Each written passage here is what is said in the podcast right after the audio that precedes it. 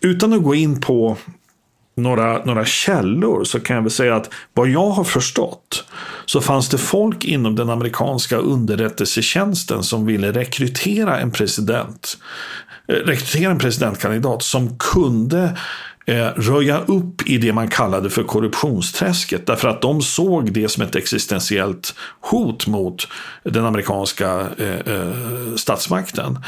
Och Trump skulle då ha varit föremål för eh, övertalning där. Att, att, därför att de visste att han var o, eh, okorrumperbar om man uttrycker sig så och älv och sjöar bryta Isens band och muntert bäckarna i mossan kvälla Det skimrar gult vid minsta dikeskant lyser Radio Mises 127 Idag är det den 11 september 2020. Med mig har jag professor Sven Larsson. Hej på dig! Hej! Uh, jag är inte professor längre, men jag har varit det tidigare. Ja. Det funkar kanske inte riktigt eh, samma i USA som i Sverige, eller? Är man inte alltid professor? Eller? Nej, det är, här är det mera en tjänstetitel. Det är do doktor är mera den akademiska titeln som folk använder här. Doktor Larsson. ja, jag, jag, är inte så noga med sånt, men jag tackar för, tackar för det. Mm. Jag insåg just att det är 19-årsjubileum idag. Ja, och, eh, just det. Tonflygningen i New York. Ja, ja, det där har det ju varit mycket. Varje år är det ju mycket i media om det, framförallt eh, här borta. Du bor i USA? Ja. Eh, om vi ska ta beskriva dig lite grann. Så du emigrerade från Sverige till USA någon gång 20 år sedan eller så? Ja, jag eh, lämnade faktiskt Sverige 96. Eh, flyttade till Danmark, eh, pendlade mellan Sverige och Danmark. Eh, tillbringade en vecka i varje land under ett par år. Och sen eh, flyttade jag ner på heltid, bodde i Danmark till 2002. Eh, jag doktorerade där nere och undervisade på, på Roskilde universitet. Och 2002 flyttade jag hit till, till USA. Eh, undervisade på ett litet college utanför New York i eh, tre år. Och sen de sista 15 åren har jag jobbat åt amerikanska tankesmedjor och som konsult åt politiska kampanjer. Så det, det är vad jag har sysslat med. Jag har en min akademiska bakgrund är att jag har en eh, kandidatexamen från Stockholm. Ja, den är delad mellan Stockholm och Uppsala i nationalekonomi och praktisk filosofi. Och sen doktorerade jag i Roskilde, skrev en avhandling där i eh, nationalekonomi. Ehm, eh, som jag försvarade, det är faktiskt 20 år sedan nu. Ehm, och eh, det, ja, på den vägen är det. Mm. Vad gjorde du i Sverige innan du flyttade? Eh, ja, eh, jag jobbade under några år faktiskt som skribent och eh, eh ja, speaker som det heter här. Jag åkte runt och pratade på olika events eh, inom, inom politiken. Jag eh, jobbade som som lärarassistent som det heter på Stockholms universitet ett par år. Jag har undervisat eh, av och till i nationalekonomi, samhällsekonomi mina, mina år som skribent och eh, eh, public speaker, jag har inte ens det svenska ordet för det här. Eh, det, var, eh, det handlade just om den ekonomiska politiken. Det kom i samband med eh, 90-tal, 90-talets ekonomiska kris. Ehm, jag hade börjat skissera på ett avhandlingsämne då och den här krisen kom. Det var ju en väldigt allvarlig kris, ekonomisk kris för Sverige. Det var, det var en, en, en, en djup och eh, mycket, ja, med ekonomiska mått mätt våldsam kris där Arbetslösheten steg från 2 till 15 procent på ett och ett halvt år och, och eh, ekonomin krympte faktiskt tre år i rad. Det var, det var, en oerhört allvarlig kris. Jag började skissera på ett avhandlingsämne jag, eh, som, som låg någonstans i utkanten av vad nationalekonomer sysslar med.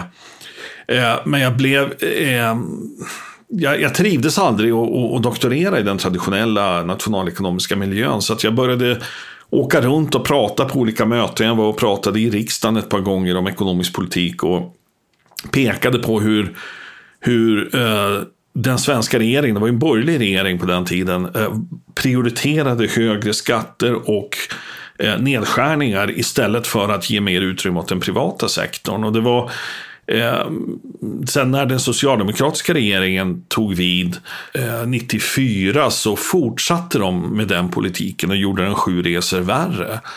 Eh, så någonstans där 94-95 Eh, då hade jag gjort det där några år, eh, undervisat lite på deltid eh, och bestämde mig då för att nu fick det vara nog, nu ska, nu ska jag ta och doktorera. Eh, hittade eh, en, en mycket intressant nationalekonom på Roskilde universitet som eh, var professor där och eh, kontaktade honom och han bjöd in mig att ansöka till deras doktorandutbildning och jag blev antagen och på den vägen är det som sagt. Spännande. Du har träffat på borgarna i Sverige alltså. Jag brukar säga att med sådana borgare behöver vi inga socialister.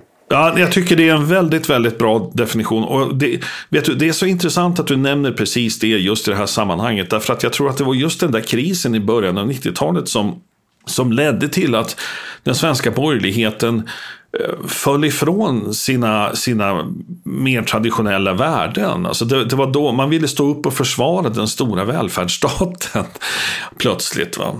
Mm. Jag tror att eh, det där är ett ämne som jag tror vi ska återkomma till faktiskt. Den här 90-talskrisen och eh, kronans eh, spekulationerna mot kronan, 500 ränta och allt det här. Det, det, skulle kunna vara ett intressant samtal för, för framtiden här. Absolut. Eh, vad doktorerar du på? Jag doktorerade, det var en teoretisk avhandling eh, om, eh, den heter Uncertainty, Macroeconomic Stability and the Welfare State. Eh, finns faktiskt på Rutledge fortfarande, de har gett ut en ny utgåva av den.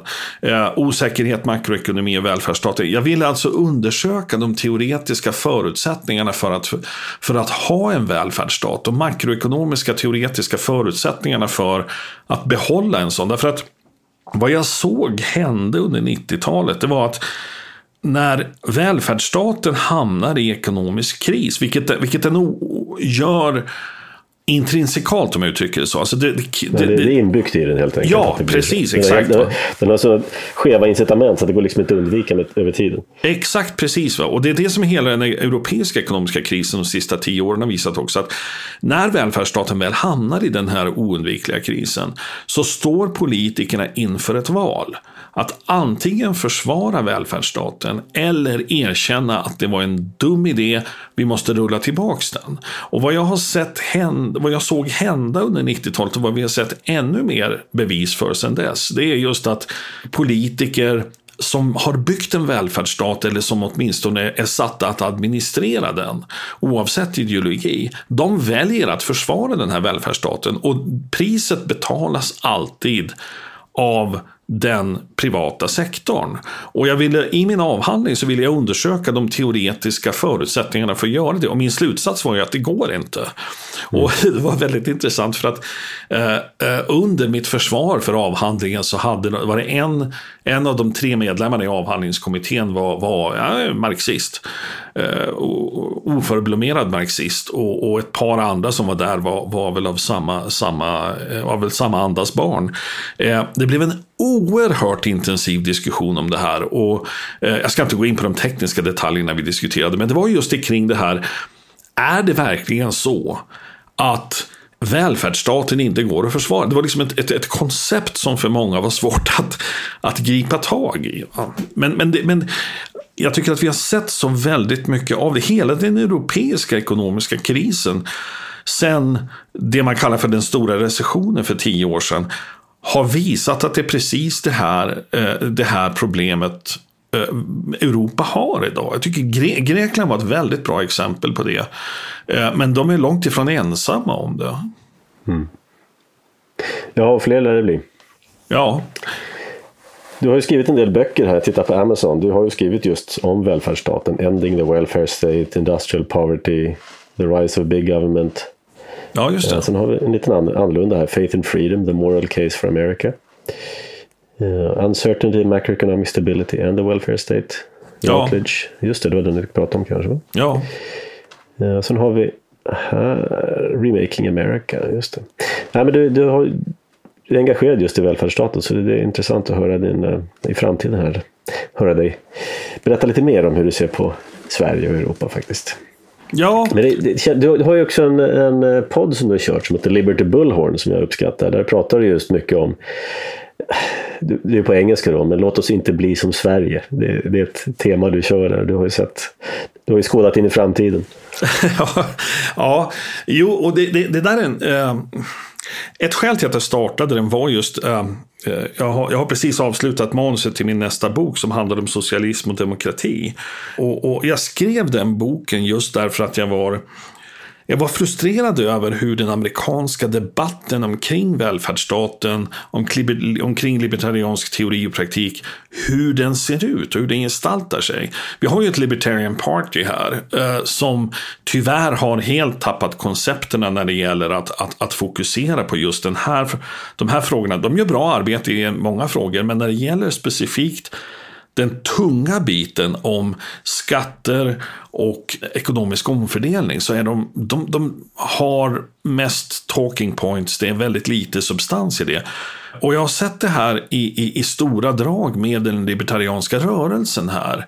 Eh, och, och, jag skrev den här boken därför att jag, jag bestämde mig för att jag ska göra ett, ska vi säga, ett, ett um, pedagogiskt bidrag till den debatten och förklara för dem vad socialism egentligen är för något. Därför att många, den, den förhärskande uppfattningen om socialism här i landet är att den, socialismen det, den inträder först när staten börjar ta över företag. Och det är ju inte alls så. Det är bara, ska vi säga, det, det, det kommunistiska slutstadiet av socialismen. Men socialismen börjar ju långt innan dess.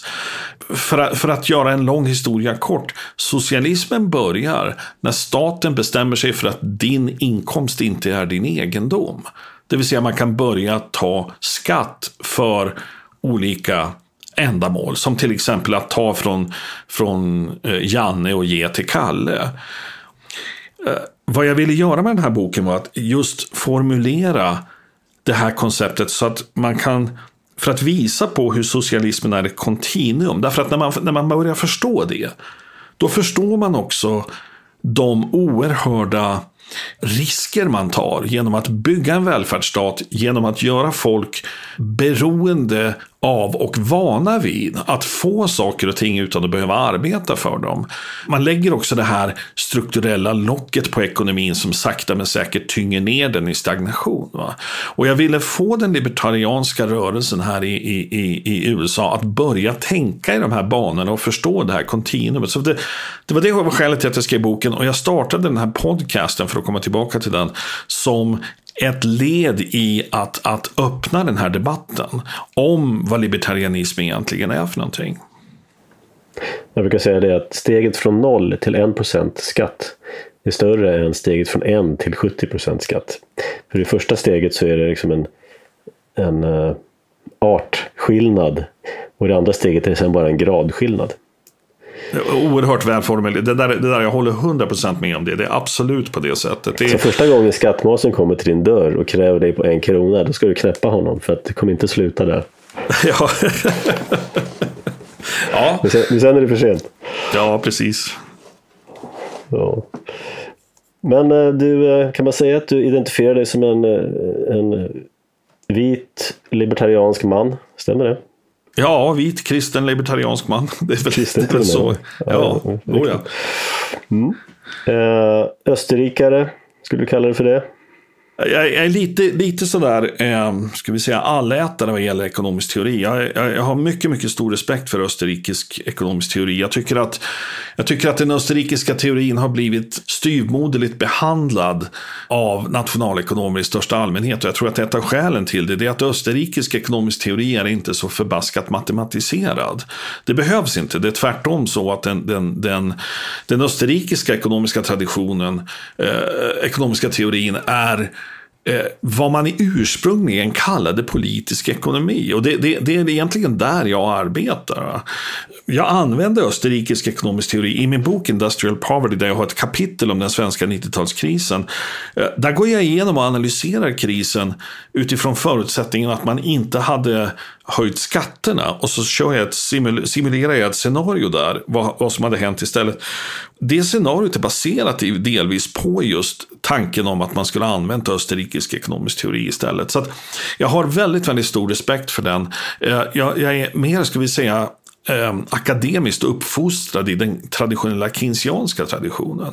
Och det, det, det som kanske är mm, mest frustrerande för mig där, det är att Keynes blev, ska vi säga, kapad av vänstern.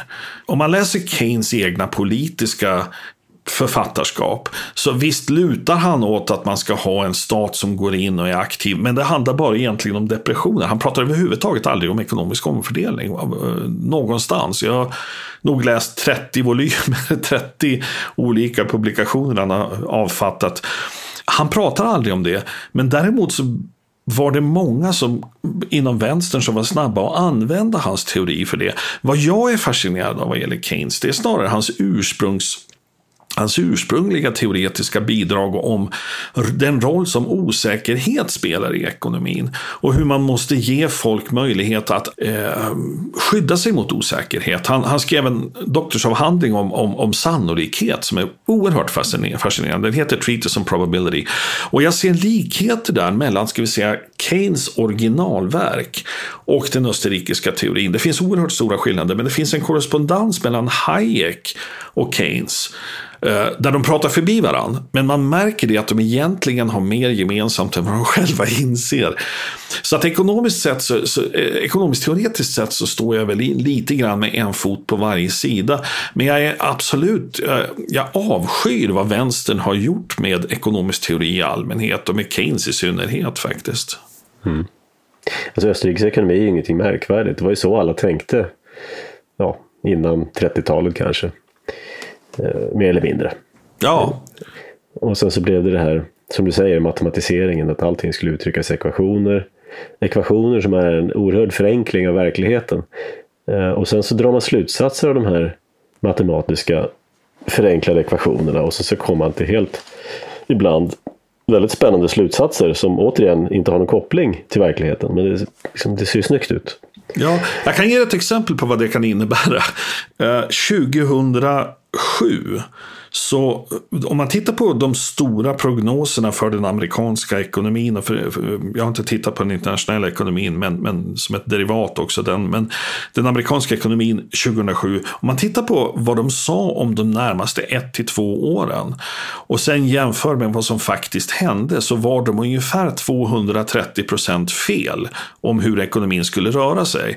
Och skälet till det är just det här att man använde sig av den matematiserade eh, Eh, eh, ekonomi, alltså ekonometri helt enkelt. Eh, mm. och, och man, man, man, hade man däremot, sätter man sig däremot med österrikisk ekonomisk teori eh, och gammal hederlig politisk ekonomi i största allmänhet och analyserar den amerikanska ekonomin som den var då, så var det ganska lätt att förutse att någonting faktiskt skulle gå fel.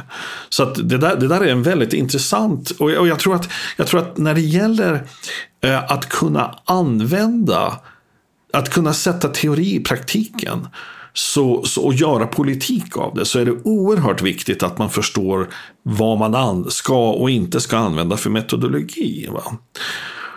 Och hela den här matematiserade nationalekonomin är egentligen ganska oanvändbar i det avseendet. Jag är ledsen att säga det, men det, det är tyvärr så. Jag har arbetat 15 år i med att ge råd åt politiker, utbilda allmänheten i, i hur man tänker ekonomiskt. Och jag, jag kan säga utan allra minsta tvekan att den matematiska mainstream-traditionen inom nationalekonomin är 80-90 procent oanvändbar där. Däremot så, så den gamla traditionella politiska ekonomin är väldigt användbar. Alltså jag är själv ingenjör från början så jag, jag är inte rädd för en ekvation. Ehm, och jag använder dem gärna. Men eh, som sagt, eh, jag har upptäckt att jag har också läst traditionell nationalekonomi på fina skolor och sådär. Och eh, jag fattar aldrig någonting.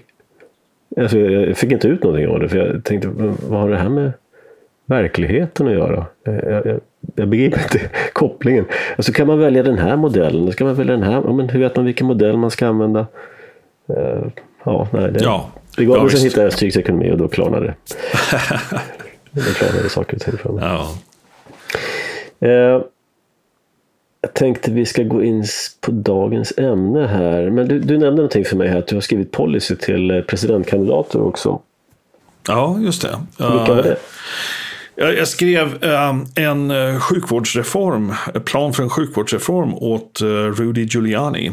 Och jag skrev en modell för att reformera socialpolitik, eh, alltså olika former av, av socialbidrag och den, eh, den sorten, för Mitt Romney eh, via en, en medlem av kongressen. Och eh, jag blev uppringd. Vad gällde Giuliani så var det att jag råkade känna någon som jobbade för, för hans kampanj. Och mm, han drog in mig som, som som eh, ska vi säga, konsult åt kampanjen och skriva olika. Jag skrev ett par av hans tal som han gav och, och det stora bidraget var att skriva hans eh, eh sjukvårdsreformplan. Eh, vad gällde Romney så var det det att jag eh, eh var nära, nära bekant med eh, Eh, den ledamot av kongressen som Wyoming hade vid det tillfället och hon eh, ringde upp mig Eh, en dag eh, och, och sa att eh, Romney-kampanjen, om de vinner, det var 2012 då, eh, så vill de starta med en omfattande reform av, av eh, våra socialbidrag och våra eh, typ, olika typer av ekonomiska bidrag, det man kallar för welfare här.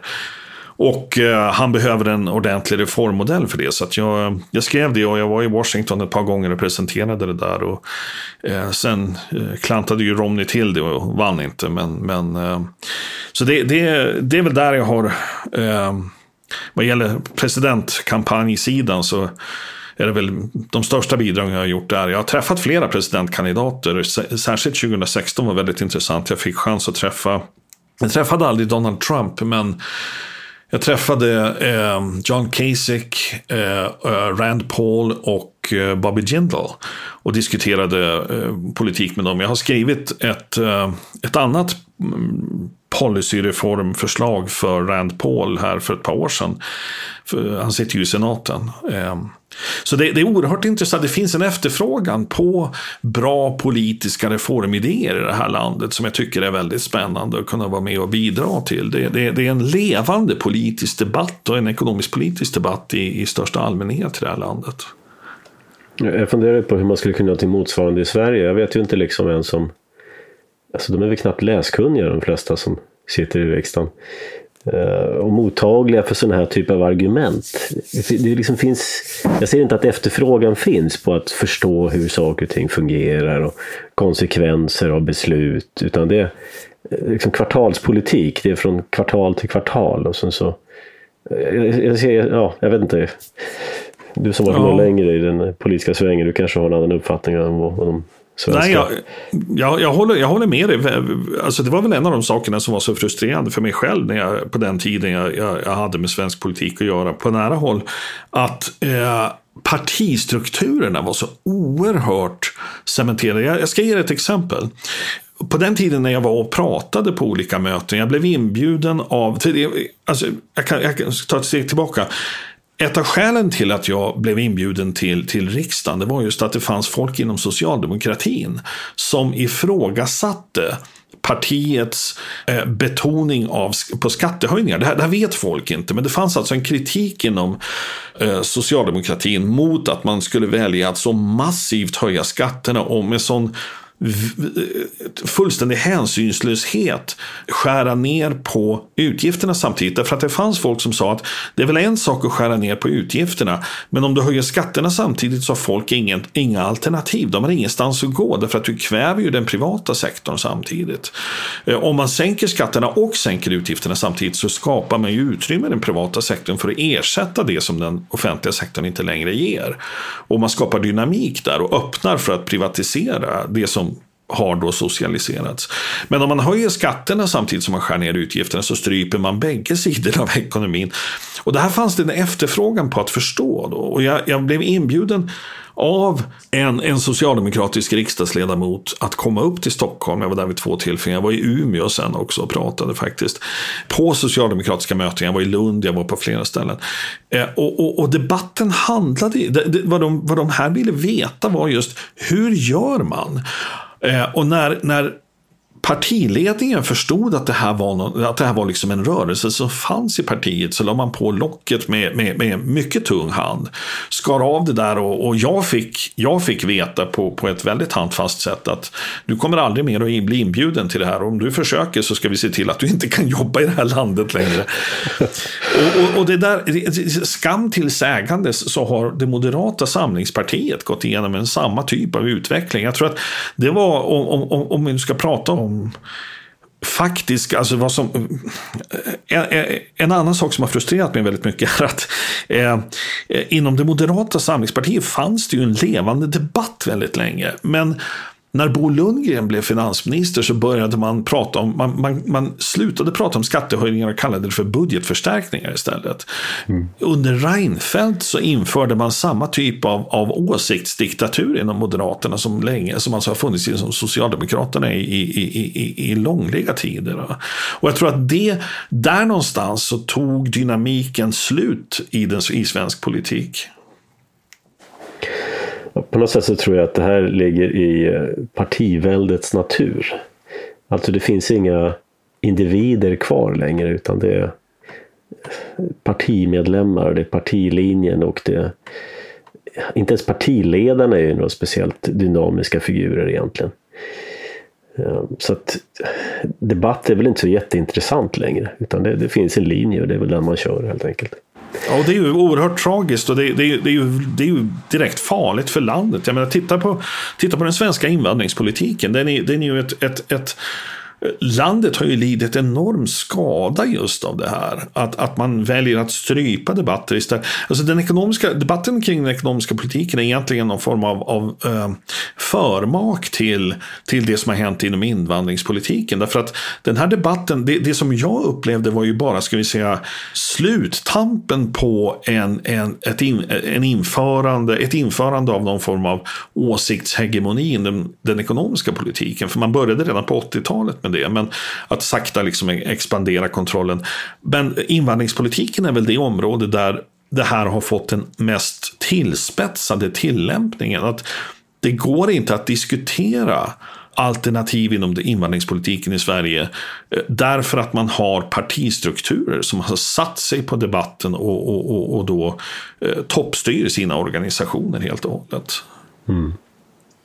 Ja, precis. Och jag tänker bara på en sån sak som att du har valkretsar. Du, du, man väljer sin lokala representant som man sen skickar till Stockholm. Det här var ju liksom grundidén i det här. Då, Och, jag menar, I amerikansk politik så har man ofta uttrycket ring din representant.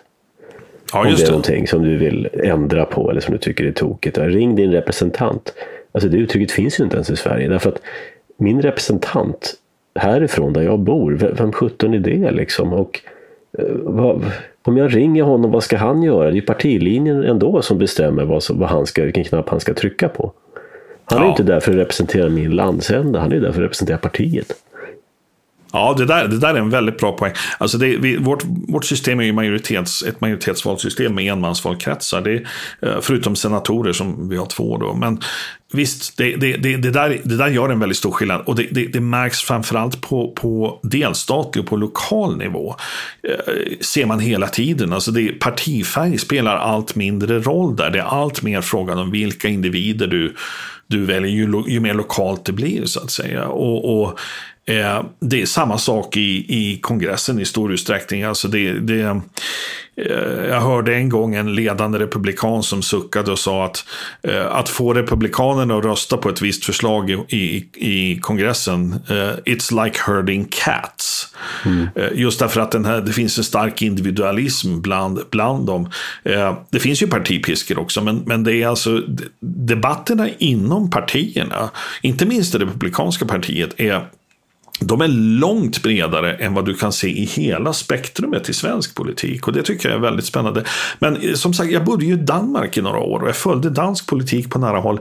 Danskarna har ett mer levande mycket mer levande politiskt liv om man säger så. Och, och det där fascinerar mig därför att de har ju också ett, eh, ett proportionellt valsystem som liknar det svenska. Och jag tror, att det, jag tror att det handlar, jag tror att valsystemet som sådant är ett problem, men jag tror också att det handlar väldigt mycket om kultur. Alltså, och det här har jag, jag har inga svar här egentligen, men jag har funderat mycket kring varför Sverige är ett, sånt, är ett land som är så lätt att toppstyra om man jämför med Danmark, Norge, eh, andra europeiska länder.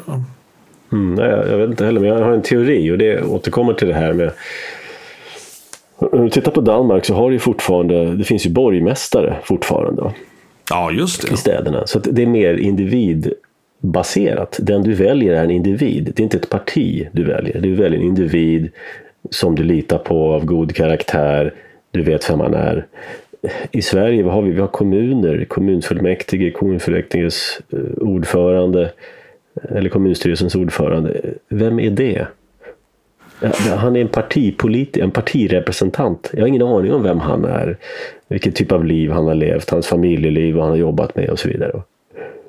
Det är anonymt allting här. Det är bara partiet som gäller. Ja, det är en väldigt bra poäng. Eh, en annan skillnad också, när, när du tar upp det här, det, det är faktiskt en, en, en, en en viktig, mycket viktig poäng det där. För att en annan skillnad som är relaterad till det här, det är att i Danmark så har man ett annat sätt att finansiera kommunerna än vad man har i Sverige. I Sverige så tas skattepengarna in av staten. När du betalar kommunalskatt så går inte pengarna in på kommunens konto, de går till, till staten som sen betalar ut pengarna till kommunerna. Eh, I Danmark så betalas pengarna in på den lokala, alltså på kommunens eget konto direkt. Det vill säga deras finanser är rent fysiskt separerade. Och det där gör, eh, jag tror att det spelar en psykologiskt viktig roll för hur kommunpolitiker uppträder. I Danmark, jag kommer ihåg första gången jag, jag, jag fick, jag skulle skattskriva mig i Danmark, alltså fick ett skattekort i Danmark, så var jag in på det lokala eh, skattekontoret i, i Roskilde och ja, det var det som hette AMT, alltså motsvarande län på den tiden. Eh, och, och, och den här som jag pratade med, han, han, jag frågade hur är det här i Danmark liksom i största allmänhet? Och han sa, ja, danskarna är ett folk av anarkister. De tolererar centralregeringen, men, men de skiter egentligen i den. Och, och, jag, tror att, jag, tror att det där är, jag tror att du sätter fingret på någonting väldigt viktigt där. Att man har, man har sett till, som du säger, att behålla en individuell koppling där. Eh, och, och, och, det, kanske, det kanske vore ett bra sätt att börja om man nu vill reformera Sverige. Det kanske vore ett bra sätt att börja få folk inte bara intresserade och engagerade utan även att ta ansvar för sin lokala situation. Därför att som libertarian så ser jag det, som kristen och libertarian så ser jag det som egentligen den grundstenen i att få ett samhälle som fungerar är just att vi har inte bara rätt utan att vi förstår skyldigheten i att ta ansvar för eh, eh, vårt lokalsamhälle. Att, att när, man, när man har friheten att organisera sitt lokalsamhälle efter bästa förmåga och efter eget gottfinnande så att säga. Då har man också ett ansvar att se till att göra det, att vara delaktig i det. Jag brukar själv förespråka att vi bryter upp Sverige i självständiga socknar. Och sen omvandlar vi Sverige till ett försvarsförbund, frivilligt. Eh, och då skulle vi få ett starkt lokalstyre och då skulle det bli ordning på både det ena och det andra. Mycket av de här eh, tokerierna som man kan genomföra och genomdriva från Stockholm skulle aldrig gå att genomdriva i småskaligt styrda samhällen. Är det någon slags tanke i linje med det här kantonerna man har i Schweiz? Ja, precis. Men jag skulle vilja gå ännu längre. längre. Vi hade ju nästan 3000 socknar i Sverige en gång i tiden. Jag tycker att det vore alldeles utmärkt att gå tillbaka och göra dem självstyrande. Ja, jag tycker det låter som en spännande, väldigt spännande tanke faktiskt.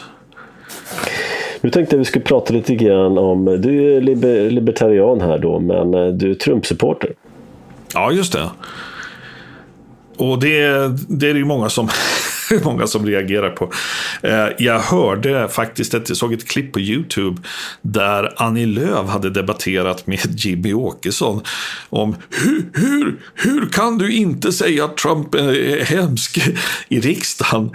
Ehm, att säga att man stöder Trump i Sverige det är väl ungefär som att, att, att bli eh, bli eh, av med sitt medborgarskap. Jag har sagt upp mitt medborgarskap ändå, så det spelar ingen roll. Men, nej, men jag stödjer inte Trump därför att han är libertarian. Jag stöder Trump för att han i relativ mening är en hederlig politiker. Och jag, använder, jag betonar ordet relativ därför att jag, jag, jag, ser det egentligen inte som att det finns några politiker som kan vara helt hederliga.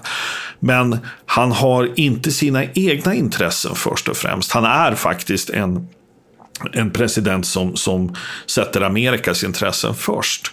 Eh, och jag är inte nationalist i den meningen att jag sätter nationen över något annat. Men i, i den värld vi lever i idag, om man, om man ser det från en rent praktisk synvinkel, så behöver vi ett starkt Amerika. Men det är också en filosofisk sida till det. Du nämnde min bok Faith and Freedom, The Moral Case for America.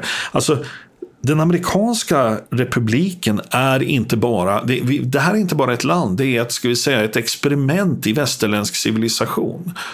Och Trump han, han, jag skulle inte säga att han är särskilt välskolad i det, men han förstår den praktiska innebörden i det här. Och vill göra någonting för att, ska vi säga, stoppa erosionen av och bevara eh, eh, eh just det här, det vill säga, det här experimentet i västerländsk civilisation. Han... Eh, i det avseendet så slår han mig som ett betydligt bättre alternativ än, än någon, någon demokrat. Och, och, och, han har dessutom han har dessutom gjort en hel del saker för att stärka både individuell och ekonomisk frihet. Han har avreglerat eh, ekonomin på ett sätt som eh, in, inte någon president före honom har gjort. Han har, eh, han har sagt till sin administration och till den federala eh, byråkratin att för varje reglering ni vill införa måste ni avskaffa två. Och det där har fungerat väldigt bra. Han genomförde en skattereform som var den var bra på för, eh, eh, alltså, företagsbeskattningsreformen var bra. Det var inte så väldigt mycket som hände på den individuella sidan. Men det hände en del saker och det var en bra reform i rätt tidpunkt. Så jag tycker han, han har gjort många bra saker. Han har han är Eh, en, en, en, pragmatisk president och framför allt så är han, tycker han väldigt illa om korruption inom politiken.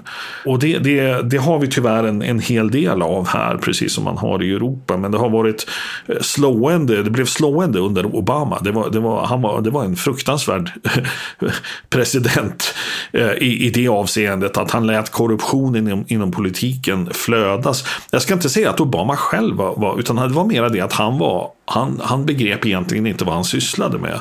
Så att den korrupta sidan av den amerikanska politiken fick liksom breda ut sig under honom. Och Trump bekämpade det och försöker rulla tillbaka det där. Jag har haft... ja, min syn på Trump är ganska lik din. Eh, inte på något sätt att han är eh, ideal, men absolut det bästa alternativet som, som finns att tillgå. Och eh, med rätt motiv som jag, som jag förstår saken. Sen kan jag tycka att han borde gått mycket längre. Men jag, jag, från början har jag haft liksom svårt att placera Trump.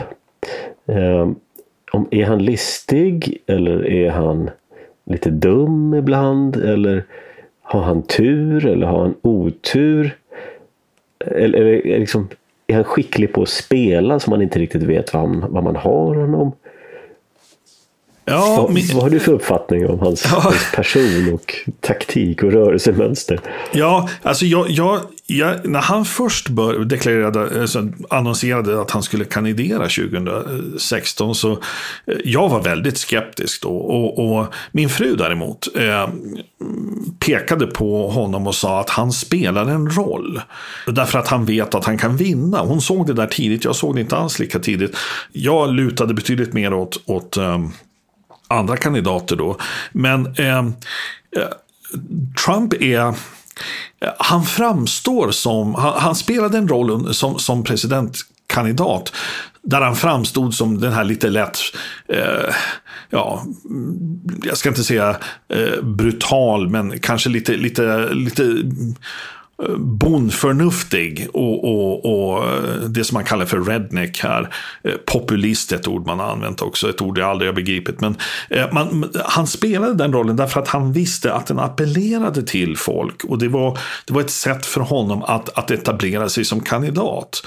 Det funkade ju alltså. Och, och men sen har han bytt stil sen han blev president. Och han Eh, Trump har, man får komma ihåg att han har alltså ägnat sig åt, åt han har alltså eh, eh, ägnat sig, har varit i fastighetsbranschen hela sitt liv.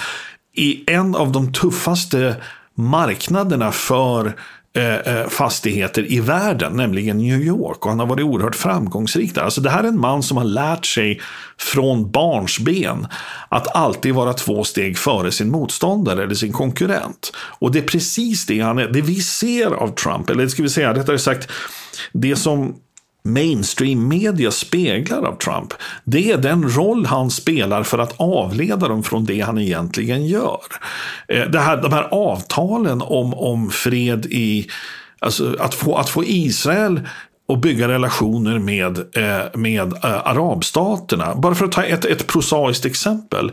Det var någonting som, som helt plötsligt dök upp därför att Trump hade arbetat på det länge för att få fred i Mellanöstern. Och under tiden så sprang media åt ett annat håll. Han slänger ur sig saker och ting ibland, som, nästan som ett köttben åt media. Och så springer de åt det och han kan skicka ut en tweet som får dem att bli helt hysteriska. Samtidigt så händer det någonting helt annat någonstans. Mm. Så, så han får, han drar deras uppmärksamhet ifrån det. Va? Så han kan arbeta i lugn och ro med det. Han, han, är, han är väldigt skicklig. Han, är, eh, han planerar och han gör ingenting av en slump. Det har ju blivit min uppfattning med, med åren också. Att han är betydligt listigare än man tror. Och genom ja. att spela lite dum och bufflig sådär så släpper ju folk garden lite grann. Då, journalisterna, motståndarna då, som du säger. Då kan han göra någonting annat. Och eh, en annan sak är ju att han, han kämpar ju mot ett etablissemang. Eh, som, ja, jag vet inte om man får använda ordet liksom rent djävulskt egentligen. Ja. Som han hela tiden måste navigera. Och ja. Eh, det, det, vet jag inte. Jag, jag ser fram emot att se hans memoarer sen när de kommer ut. När han kanske kan berätta hela historien, vad som har hänt bakom kulisserna och så, de olika spelarna. Men jag kan tänka mig att det är mycket, mycket som pågår där. Oerhört mycket och det, det pågår utredningar. Det är tydligen mer saker på gång i det här. Att det fanns ju anklagelser om att han eh, hade samarbetat med Ryssland för att, för att vinna. Det är ju egentligen tvärtom Demokraterna som, som eh, plottade mot honom, eh, eh, konspirerade mot honom. Eh, det är tydligen mer saker på gång där. Så det händer saker hela tiden. Så Trump-administrationen utreder ju vad Demokraterna gjorde för att stoppa Trump, både som kandidat och som president. Och han har vänt hela det där mot dem och går nu efter dem eh, för deras då, eh, eh, försök att underminera honom. Och det är nya saker på gång där också, så att det händer saker hela tiden. Jag tror framför allt att ett skäl till att vänstern är helt apoplektisk här i, i, i USA över, över att Trump kan bli omvald, vilket det ser ut att han kommer att bli. Eh, det, skälet till det är att de vet att då, då, tar, då kommer han då kommer han att släppa alla band på sig själv. Då, kommer han alltså, då, då, då kan han i lugn och ro gå efter dem eh, eh utan att så att säga lägga silkesvantarna emellan.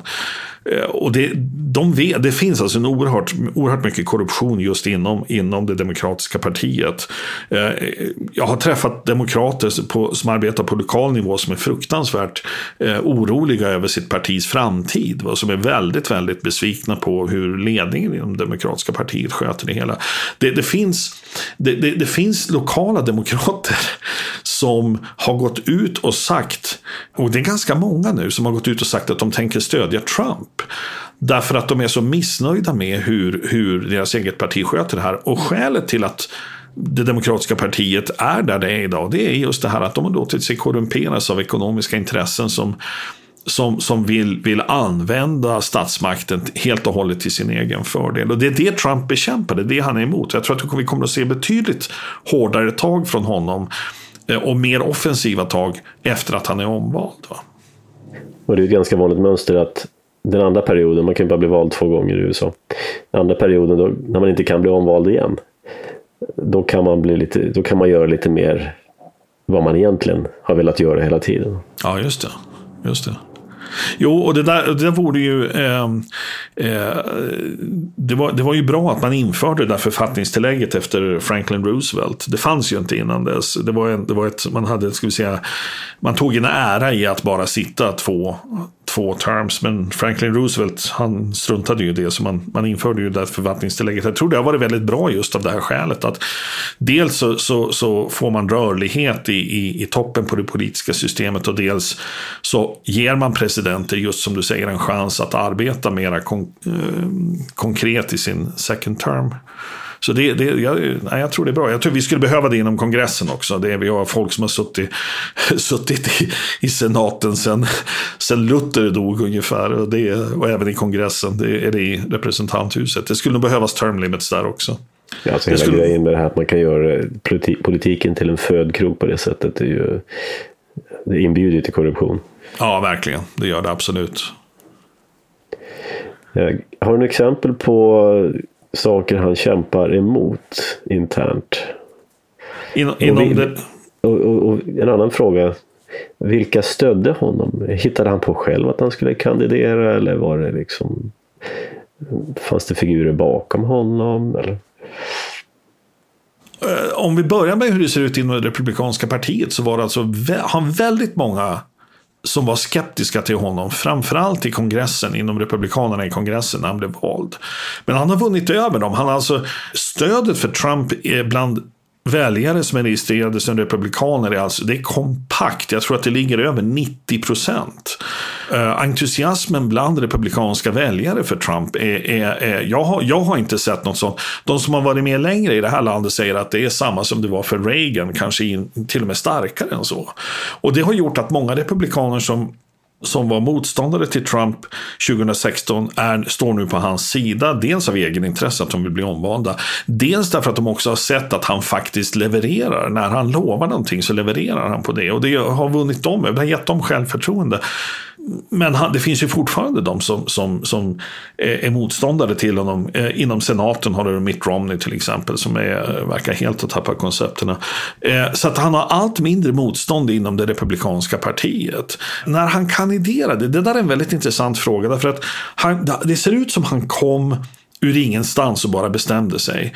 Mm, utan att gå in på några, några källor så kan jag väl säga att vad jag har förstått så fanns det folk inom den amerikanska underrättelsetjänsten som ville rekrytera en president.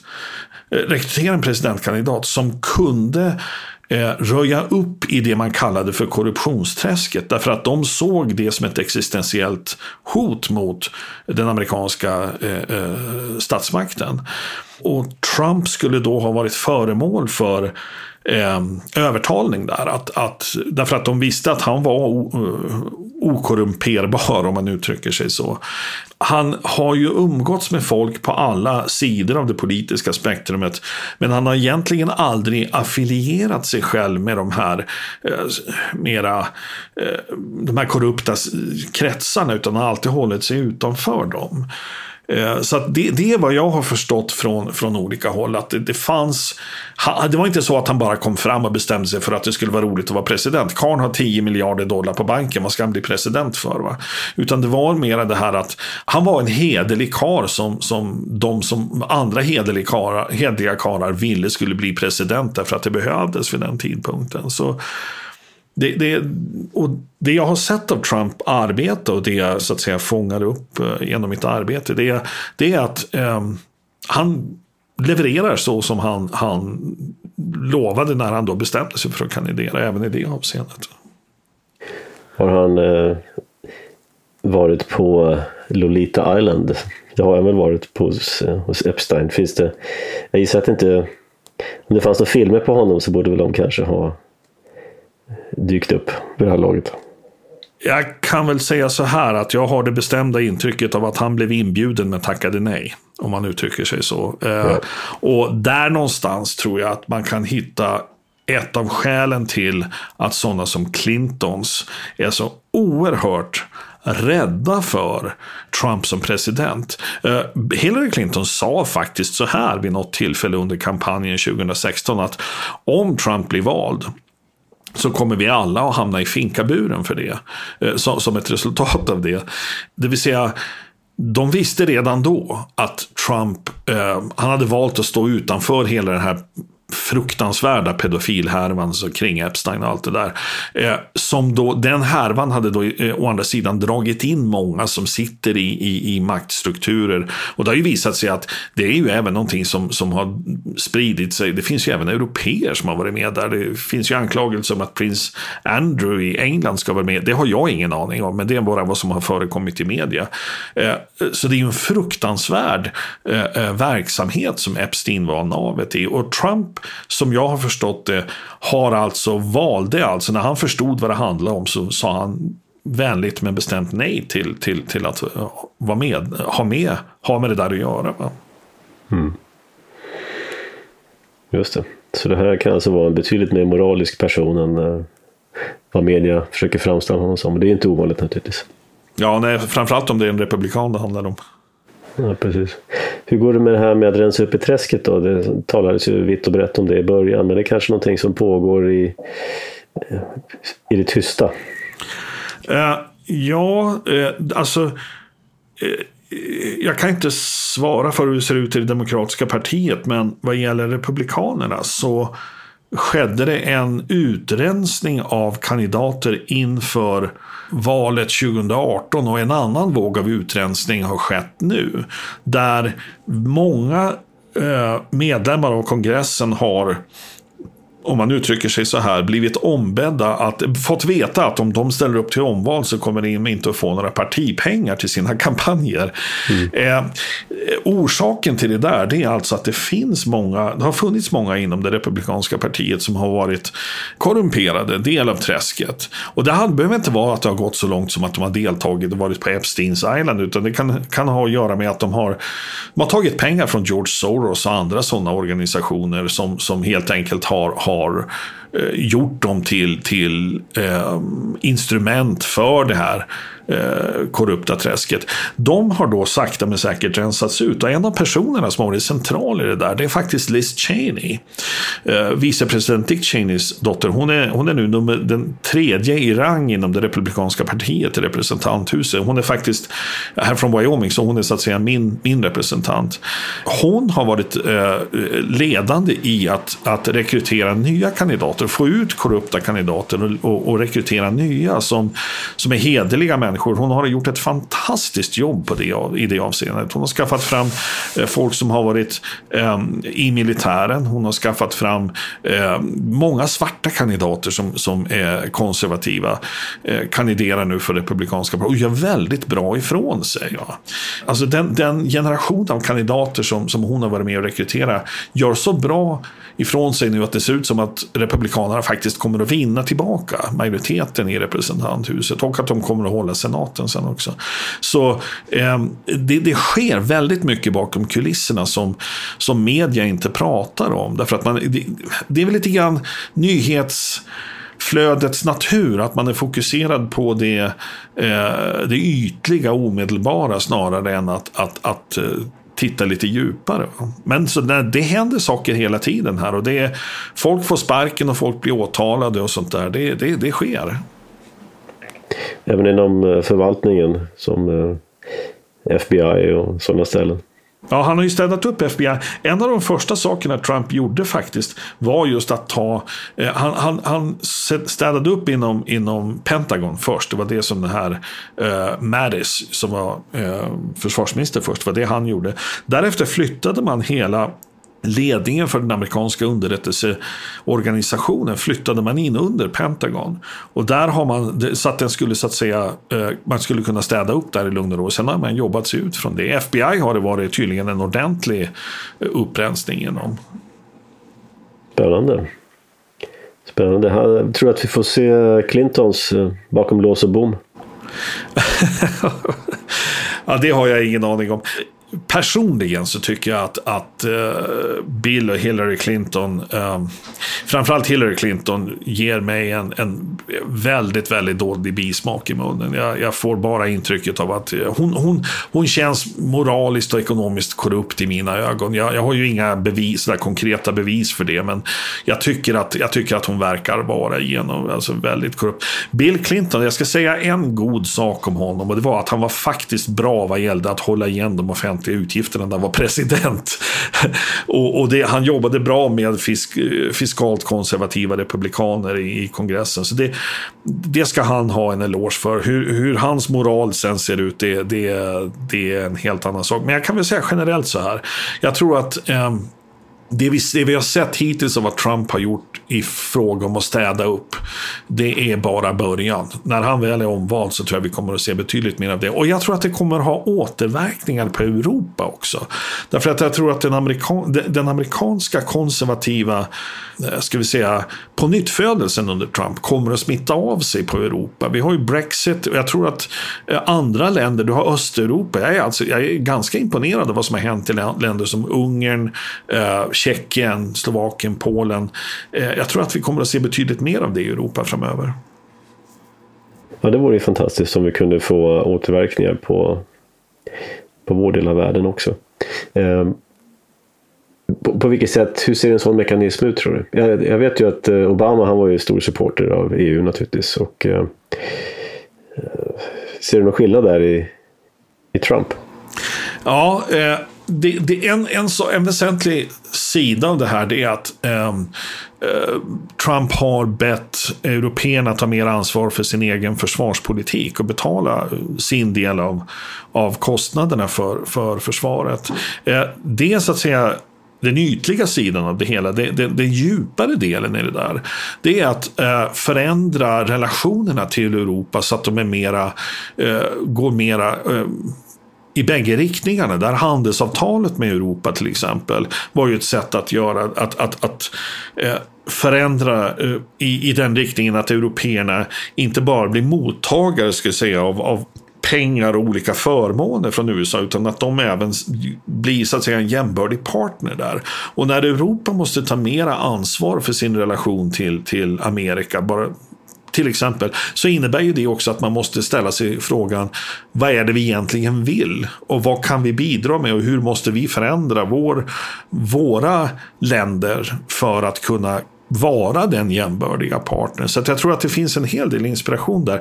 Sen tror jag, oavsett relationerna mellan, mellan USA och Europa, så tror jag att EU som sådant är eh, vad vi har sett nu i början till slutet på den epoken. Alltså ekonomiskt sett så är EU en, en, en eh, mycket, mycket dålig idé. Euron är, är väl det, det såldes ju som ett, eh, den nya starka världsvalutan. Och idag, idag är det väl, jag ska inte säga att euron är skräpvaluta idag, men det, det, de har ju det, det, är ju en valuta som Europa definitivt skulle kunna klara sig utan. Va?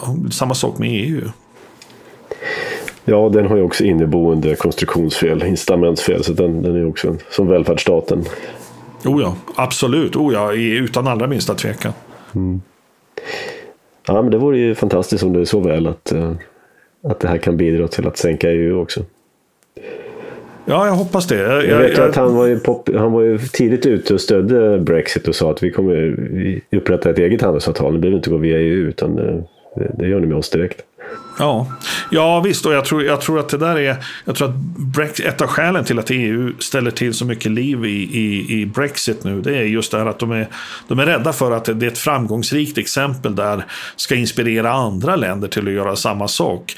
Jag kan mycket väl tänka mig att du har länder i Östeuropa som kommer att komma till en punkt där de säger att eh, okej, okay, vi har fått nog av det här nu, nu tänker vi faktiskt börja processen för att lämna. Om det, ju svårare, ju mer kostsamt det blir för Storbritannien Storbritannien att lämna, desto, desto högre blir tröskeln för andra länder att pröva. Men om man kan få ett bra handelsavtal med USA så, så, så vänder så att säga, så väger det upp, va? balanserar upp de här kostnaderna som EU lägger på dem. Och, och ju mer EU, det, det, jag tycker det är intressant det här med EU, eh, som du nämnde, jag skrev en bok om den europeiska ekonomin, här, Industrial Poverty. En av de sakerna som, som, som har slagit mig med EU, det är att de, åtminstone de sista tio åren så har själva strukturen EU enbart varit en kostnad för Europa. Jag, jag, är inte säker på att det aldrig någonsin har funnits några, några fördelar med det. Men det har varit så slående sen, sen den stora recessionen för tio år sedan. Hur allt EU gör är att kosta Europa pengar och byråkrati. Och, och, och någonstans så måste det där vända. Ja, precis. Och det, det, roliga är att när Storbritannien försvinner, då kan man tycka att då försvinner en, en kostnadspost för EU. Nej, det gör det inte, utan då måste alla andra betala mer för att ersätta pengarna som kom från Storbritannien. Ja, just det. liksom, ju fler länder som lämnar EU, desto högre blir avgiften för Sverige. Ja. Ja, en annan grej som jag noterade var det här så kallade coronapaketet som EU nu ska, ja, som Sverige till slut godkände då.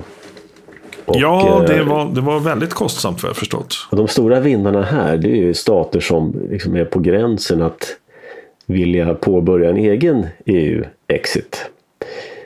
Som Italien och Ungern och Polen och sådana länder. De, de står på plussidan och Sverige då som kommer bli sist att släcka lampan och ta med sig flaggan. Vi får ju betala då som vanligt. Då.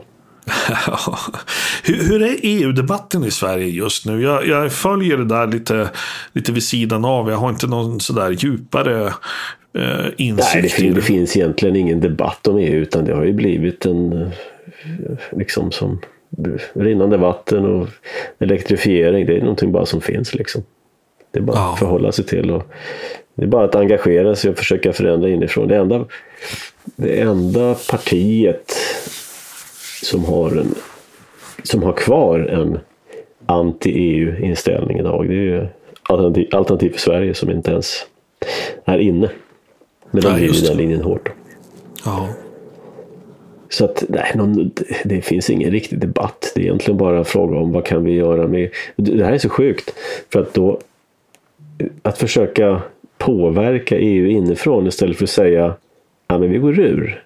Då slipper vi påverka, då bestämmer vi bara själva vad vi vill göra. Därför att allting som du vill göra kan du göra utanför EU. Ja. Det ger, det ger ingenting. Ja, men absolut. Och, och det, det, Norge Eh, står ju utanför. Om man tittar på länder utanför Europa så, menar, eh, bara för att ta slumpvisa exempel, så jag menar, Japan, Australien, eh, Sydamerika. Jag menar, det, det, det, idén om att du måste ha en överstatlig organisation för att få saker och ting att fungera är ju, är ju i sig självt absurd.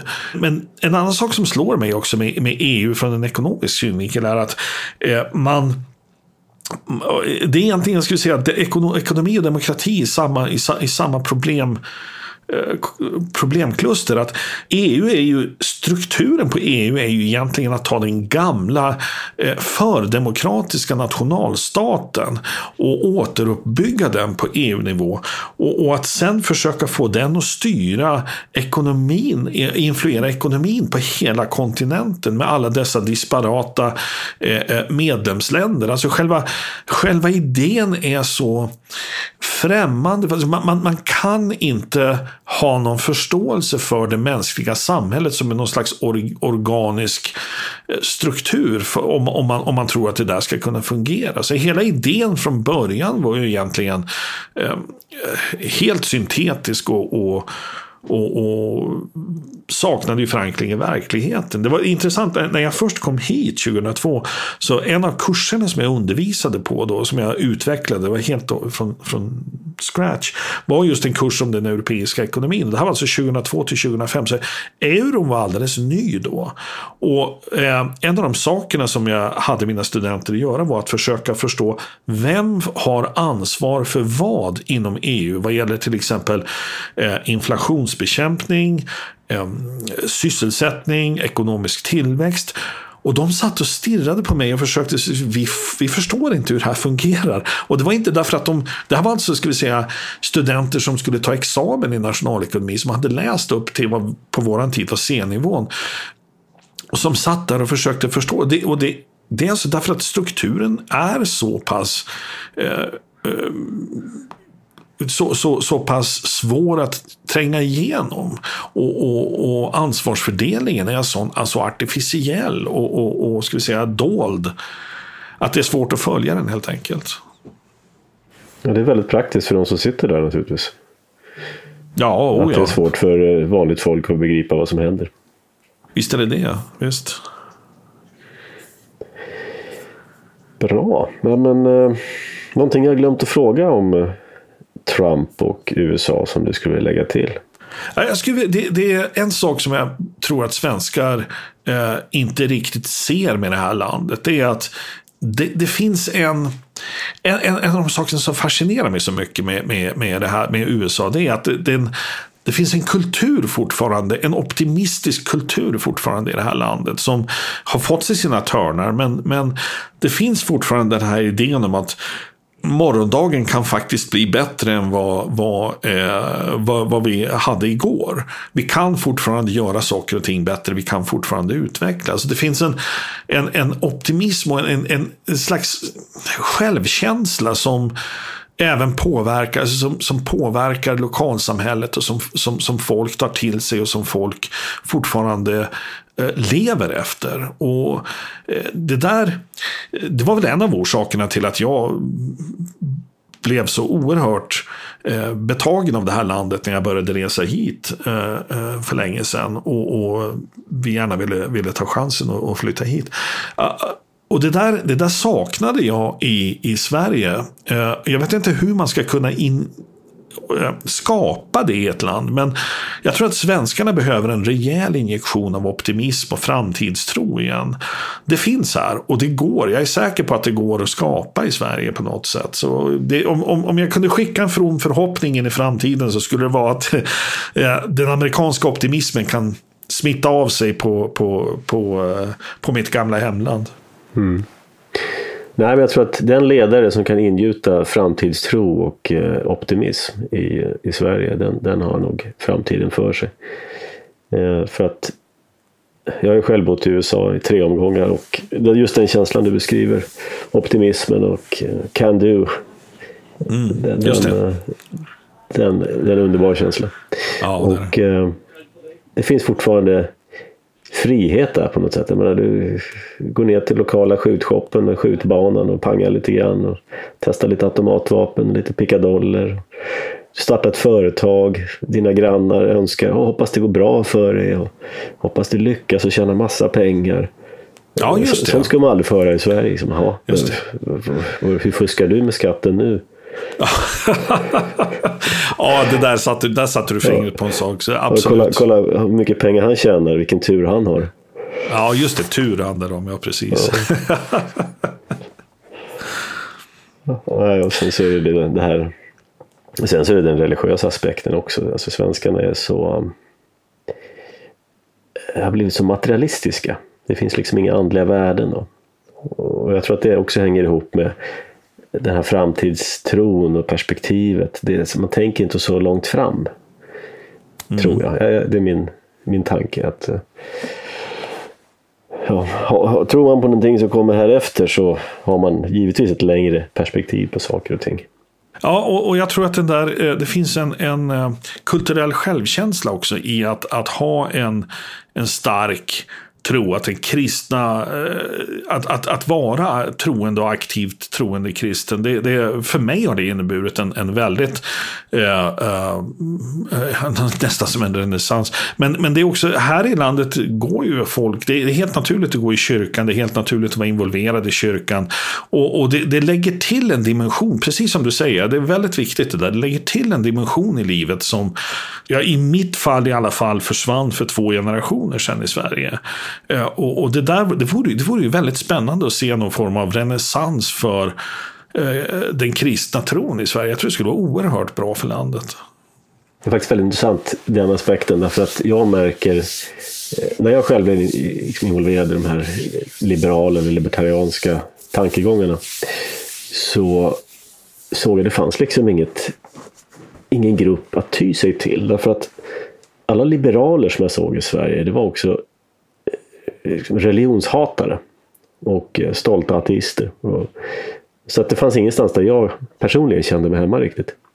Eh, och så hittade jag Missinstitutet då. Då var det en helt annan typ av människor märkte jag. Och eh, ja. eh, sen har jag hållit på med det här i, ja, det är väl tio år eller över tio år nu. Och jag har faktiskt märkt en lite av en renässans för just de här frågorna, de här kristna frågorna. Och jag driver ju en liten annan kan man säga, kampanj vid sidan om det här som är mer inriktat åt det. På min, ja, på min Facebook och Twitter och sådana saker så brukar jag dela sådana tankar också. Ja, och jag har fått oerhört mycket frågor av människor privat.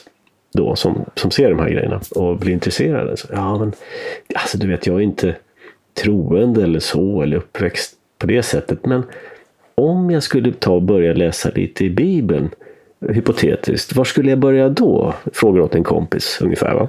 Ja. Så jag har faktiskt sett en spirande tendens till ett lite andligt återuppvaknande. ja, det vore ju väldigt roligt om det kunde, om det kunde hända faktiskt. För, för, för mig så är det liksom, det är urkraften.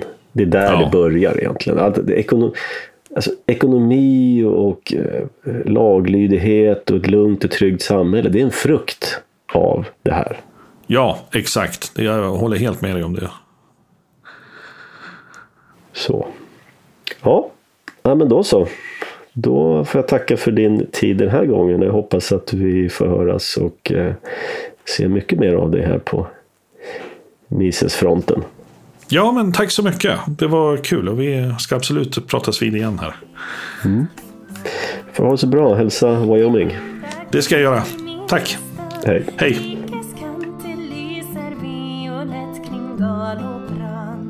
Långväga gäster bygga, återbo takens krön.